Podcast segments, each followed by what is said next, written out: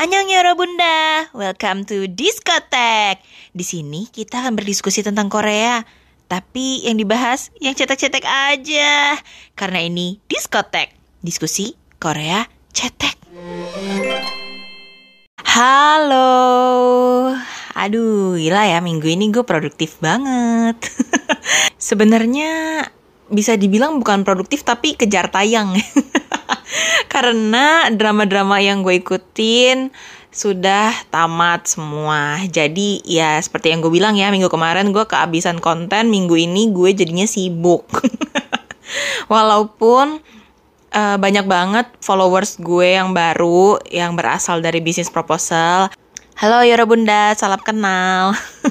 Tapi gue kan juga bikin podcast ini nggak cuman buat bisnis proposal ya. Jadi sudah pasti gue harus membahas yang lain juga, oke? Okay? Nggak mungkin kan isi podcast gue semuanya bisnis proposal ya. Karena nggak semua orang nonton bisnis proposal, oke? Okay? Di episode ini gue mau nge-review salah satu drama dari bias gue yang gak mungkin gue lewatkan ya, yaitu 2521, 2521 yang akhirnya tamat minggu kemarin. Jadi ya udah ya tanpa lama-lama lagi supaya nggak makin basi ya dramanya mau gue review langsung sekarang aja. As always, gue selalu mulai dari yang gue nggak suka dulu supaya happy ending. yang pertama yang gue kurang suka karena gue itu pecinta romance. Jadi menurut gue di sini romansnya tuh terlalu sedikit. Cuman sesendok teh Terus pace-nya lama banget buat menuju romansnya. Tapi ya bisa dibilang mungkin memang drama ini nggak fokus di romance gitu. Jadi gue yang pecinta romance, gue mencari romance itu kayak mana nih ditumpukan jerami, mana romansnya, halo gitu. Ya romansnya baru mulai ada tuh ya sparks-sparksnya tuh kayak episode 7, 8 gitu. Dan akhirnya di episode 10 juga baru jadian gitu kan. Di episode 9 10 tuh tuh mulai kayak gue harus menendang-nendang selimut karena saking gemesnya. Di mana awalnya hidonya dulu yang ngomong kan kayak gue harus dapetin lo gitu. Terus di situ izinnya yang ah gemes banget. Dia tuh yang pas mau interview Hido terus Hidonya nggak nyaman banyak kameramen dia kayak oh kok nggak nyaman? Ya udah sama gue aja berdua. Yeah bisa gitu reporter terus pas ditanya sisi mana yang cantik? Sisi kiri. Hidungnya kayak hah gue aja nggak tahu sisi mana gue cantik ya. Terus di situ izinnya tuh ngomongnya tuh kayak cool banget. Sisi kiri sambil jalan keluar gitu kayak Beuh! aduh emang nggak salah gue biasanya Nam Hyuk terus di episode 10 juga kan uh, izinnya akhirnya bilang kan hubungan kita itu bukan pelangi tapi cinta. Wah, wah. di situ gue nggak cuma nendang selimut sih, tapi gue nendang bantal. gue pukulin bantal udah kayak lagi tanding WWF. Gemes banget. Tapi ya, yang gue sayangkan juga selama pacarannya ya, tetap kayak abang ade gitu ngerti kan? Karena hidonya juga tidak berubah juga. Tetap hido yang berisik gitu. Orang-orang bilang prik gitu ya.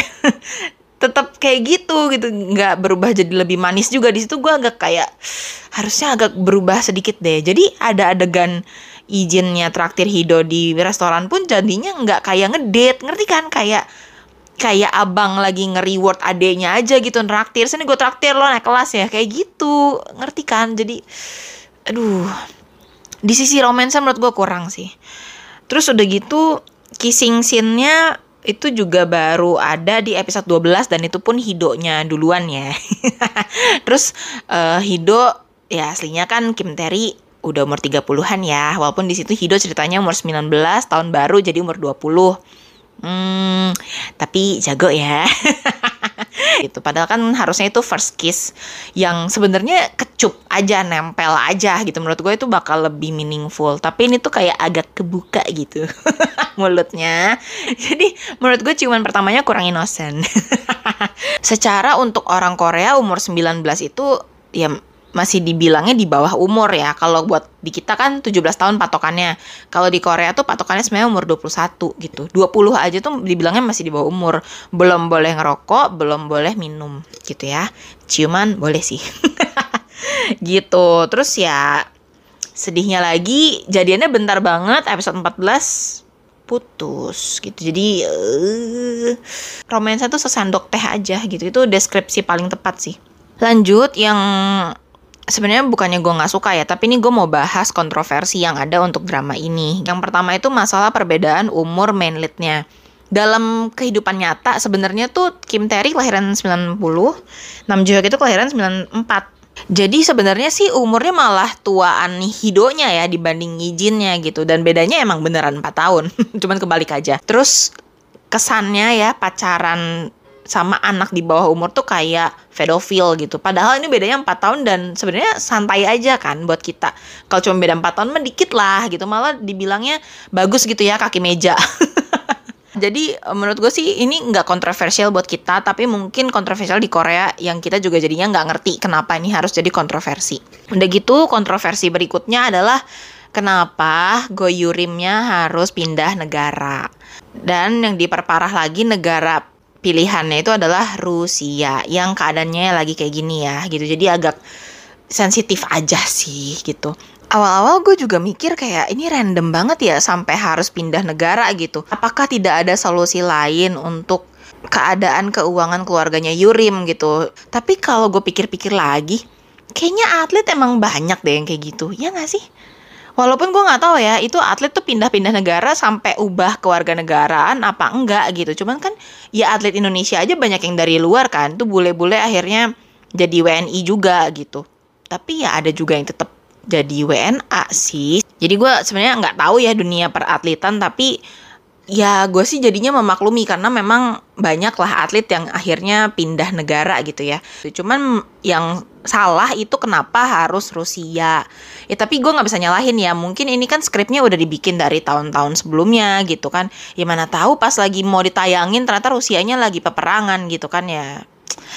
Nggak pas aja timingnya ya kayaknya gitu. Karena keadaan Rusianya lagi kayak gini, terus dengan Goyurim pilih Rusia itu kesannya kayak Rusia tuh bagus loh kompensasinya untuk atlet gitu. Jadi kayak kok ngebagusin Rusia sih jelas-jelas Rusia lagi perang gitu ya. Jadi agak uh. terus um, berikutnya yang gue kurang suka lagi aduh gue sungkem dulu nih sama Nam Joo Hyuk tapi gue minta maaf ya tapi menurut gue karakter Yijin di sini buat gue nggak bikin gue terizin-izin gitu loh padahal pas Nam Joo Hyuk main drama ini tuh gue udah mikirin aduh gue bikin tagline apa ya buat karakter Yijin ini? Karena kan gue udah sering bilang ya gue nggak mau semuanya jadi ternama-nama gitu. Gara-gara tersongkang-songkang semuanya langsung kan. Gue tuh nggak mau makanya gue selalu bikin kemarin kan mengguung kejeguk ketemu. Nah kalau Yijin tuh tadinya gue mau kayak mengijin. Kayak mengizinkan gitu. Tapi ternyata gue nggak mengijin. Gimana dong?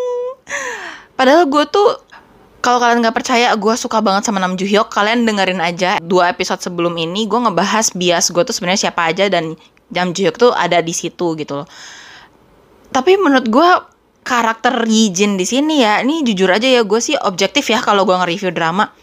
Kurang ngena aja gitu, nggak bikin gue pengen punya izin dong satu gitu. Karena kan kita kalau ngefans sama sebuah karakter kayak berdoa sama Tuhan, sisain satu dong izin buat aku gitu kan tapi di sini ya udah Hijin tuh kayak temen cowok biasa aja gitu. Nggak tau ya kurang damage aja buat gue gitu loh. Kayak melit pada umumnya aja yang Hido mau tanding tiba-tiba dia nongol kan ngejemput di stasiun gitu. Kayak dewa penolong aja gitu. Tapi ya udah nggak terlalu damage buat gue sih. Jadi maaf banget ya tapi gue tuh memang suka banget sama Nam hmm. terus uh, yang terakhir yang gue nggak suka ini karena semua pasti setuju kan? Kita semua tuh nggak suka set ending. Makanya kenapa gue setiap kali nge-review selalu dimulainya tuh dari yang gue nggak suka dulu. Karena gue tuh selalu pengen happy ending. Gue nggak tahu ya ini tuh trennya dimulai dari kapan? Karena dua tahun belakangan ini semenjak pandemi itu banyak banget drama yang bagus dan banyak juga drama yang sad ending gitu. Karena jadinya buat apa kita kawal dari awal ya enggak. Gila punchline gue luar biasa banget. dan akhirnya sinopsis ini malah berbalik gitu ya yang tadinya ditulis um, Hido sama Yijin itu ketemunya umur 18 sama umur 22. Terus akhirnya mereka jatuh cinta di umur 21 dan 25. Makanya judulnya 25 21. Tapi malahan mereka tuh putus di umur 25 21. Itu sih yang gue kayak aduh apaan sih gitu.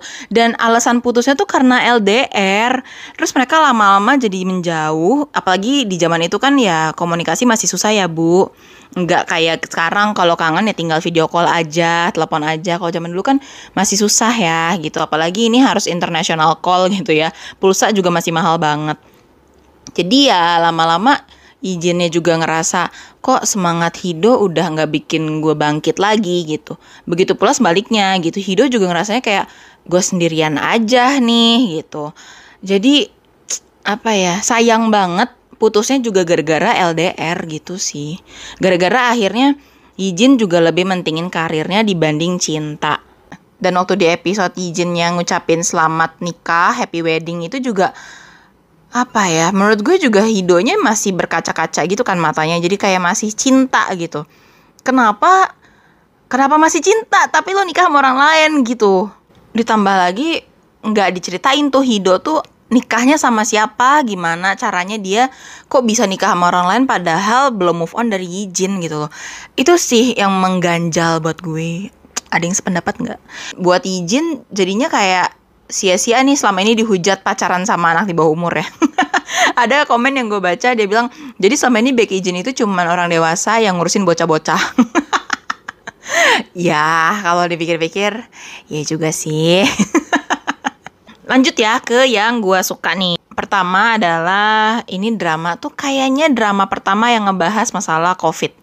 Karena ya selama pandemi ini tuh walaupun kita semua mengalami pandemi gitu tapi di drama Korea tuh nggak pernah ada yang pakai masker gitu loh. Nggak ada yang seakan-akan harus prokes seakan-akan lagi pandemi. Kesannya kayak nggak ada apa-apa aja gitu. Gue inget banget di awal-awal sinnya Mince lagi balet gitu kayaknya dia masuk ke suatu gedung gitu kayak harus dicek suhu segala macam gitu.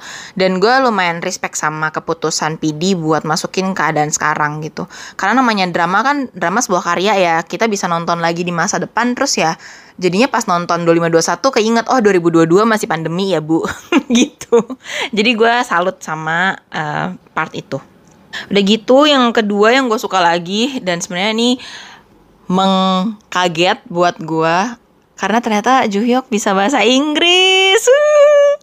Dan di sini tuh Nam Juhyuk menurut gue bahasa Inggrisnya sempurna sih. Secara dia orang Korea tulen ya, nggak pernah sekolah atau tinggal di luar negeri juga gitu Jadi gue lumayan bangga sih. Nggak yang terbata-bata banget kayak Jungki di Dots gitu loh. Ini bener-bener lumayan fluent sih. Aduh, Nuna bangga. Terus udah gitu, walaupun tadi gue bilang romansnya Ijin sama Hido tuh sesendok teh, tapi gue lumayan suka sama romansnya Jiung sama Yurim. Suka banget sih malahan karena manis banget. Mereka tuh awal-awal kan ya Jiungnya udah dari awal nunjukin kalau gue tuh sukanya sama Yurim aja gitu. Tapi gue liat pengorbanan Jiung luar biasa sih. Pengen dapetin hatinya Yurim. Bahkan pas Yurimnya pindah ke Rusia aja tuh gue sampai nangis loh pas mereka pelukan di airport. Kayak Yurimnya tuh bilang ke Jiung udah uh, kalau kamu suka sama cewek lain nggak apa-apa gitu nggak apa-apa nggak usah tunggu aku gitu. Tapi Jiungnya bilang Yurim ingat nggak gimana cara ngomong dalam bahasa Rusia? Kalau kamu tuh punya cowok namanya Moon Jiung ih gila sih. Aduh mana ada anak SMA kepikiran romantis banget. Terus di endingnya juga gemes banget. Mereka kan akhirnya nikah ya lamaran gitu akhirnya kan Yurim buka sekolah anggar terus di situ ceritanya muridnya e, ayo dong tanding sama gue gitu. Nggak taunya pas dibuka lah Jiung lagi mau lamar. Gemes banget sih. Terus yang gue tidak boleh lewatkan juga gue selalu ngomong ya ini tuh bener-bener mereka tuh skin goals banget terutama untuk Kim Terry yang sekarang sebenarnya udah umur 32 dia jadi anak 18 tahun luar biasa cocok sih karena jujur aja ya nggak semua orang dengan berponi depan rata terus udah kelihatan muda gitu loh. Nggak segampang itu geng. Terus yang gue suka lagi ini cerita atletiknya. Dapat banget. Menurut gue ini malah jadi kayak drama buat atlet ya. Lebih ke situ dibandingin drama romance gitu loh. Dari awalnya Hido tuh bukan siapa-siapa. Dia cuma jadi fansnya Yurim dia pengen pindah sekolah aja. Diceritain banget tuh caranya pengen pindah sekolah. Akhirnya dia bisa diterima di sekolahnya Yurim akhirnya dia bisa latihan sama Yurim. Akhirnya dia bisa tanding ngelawan Yurim. Terus di situ juga dapat banget di episode 7 ya kalau nggak salah dia tanding Asian Games ngelawan Yurim. Jadi dia kayak pendatang baru terus ngelawan yang tadinya gold medalist gitu. Dan di situ kan Hido menang ya. Tapi di situ Yurimnya nggak terima. Kayak enggak ini harusnya gue yang menang gitu. Karena gue yang lebih cepat. Di situ tuh dapat banget sih. Gue bahkan kebawa kesel sama Yurim kayak Iya apaan sih lo nggak fair banget? Kalau juri udah bilang Hido yang menang ya udahlah. Lo sebagai atlet harus fair play dong. Dapat banget sih menurut gue ini uh, apa ya cerita nasionalisme jadi atletnya tuh dapat banget. Udah gitu sampai terakhir pas Hidonya harus pensiun pun itu mewek banget sih. Di situ juga kayak Yurimnya kayak thank you nah Hido gitu udah jadi lawan dia dan Hidonya juga kayak thank you Goyurim ya karena karena Goyurim juga Hido jadinya bermimpi untuk masuk jadi timnas gitu ya. Itu sangat amat mengharukan banget sih pertemanan mereka ya. Chemistry-nya dapat banget sih ini Bona sama Terry ini mungkin karena latihan anggar bareng ya. dapat banget lah menurut gue. Makanya gue nggak heran ya ini drama tuh selalu di Good Data tuh selalu jadi drama nomor satu yang paling banyak diomongin. Karena memang kita yang nonton tuh terhanyut banget gitu loh sama cerita atletismenya ini gitu. Ini lebih bagus dibandingin film Susi Susanti. kenapa dibawa-bawa ya? Abis ya serupa aja gitu ya temanya. Tapi ini beneran gue nggak pernah sih nonton drama temanya atlet tapi sedapet ini. Gue tuh sedeg-degan itu loh kayak nonton Asian Games beneran. Kayak nonton Olimpiade beneran. Seru itu sih. Terus yang terakhir ini yang gue suka adalah ceritanya tuh lengkap banget ya. Karena ini mencakup semuanya nggak cuman romance doang. Lawaknya adalah dikit-dikit ya waktu zaman Hidonya freak banget tuh awal-awal. Terus masalah keluarga ya kan masalah Hido sama mamahnya. Gak mungkin gue nggak bahas chemistry lima sekawan ini atau empat sekawan plus orang dewasa. ya pokoknya berlima ini gemes banget sih bahkan kayaknya ini pertama kali ya sampai lima limanya bikin OST bareng sampai ada yang bilang ini kayak lagu project pop yang ingatlah hari ini ya tapi memang lagu itu tuh nggak masalah kayak kalau suaranya nggak bagus juga nggak masalah gitu. Memang lagu persahabatan aja dan ditayangin di dramanya juga di waktu yang tepat sih menurut gue. Jadi gue suka banget suka banget sama mereka dan setiap karakternya punya cerita masing-masing gitu. Walaupun Sengwan uh, yang paling dikit jadinya ya karena nggak ada pasangan di akhir dapat sih. Dapat adiknya izin lumayan ya bu. Uh, ini juga menurut gue realistis ya kayak masalah um, adulthood gitu. Kayak cari uang tuh susah. Becky Jin juga kan waktu itu uh, karena dia cuma lulusan SMA terus nyari kerja juga susah.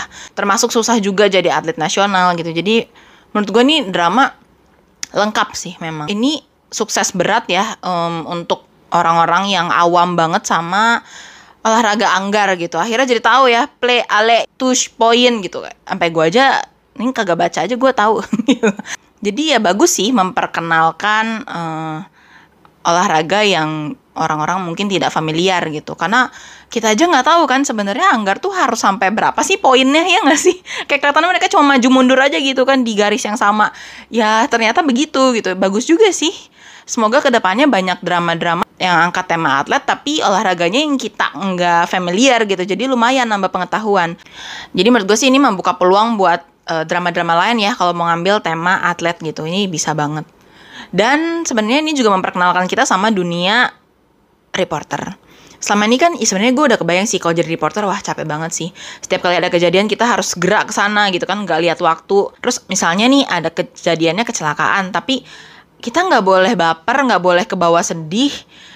Eh harus ngasih tahu aja kejadiannya tuh kayak gimana tapi sambil ngelihat mayatnya lewat gitu gimana perasaannya gitu dari sini kita jadinya tahu gitu. Ternyata jadi reporter juga ya susah gitu. Selain kita nggak boleh baper kita juga harus jaga raut muka harus jaga intonasi ngomong gitu.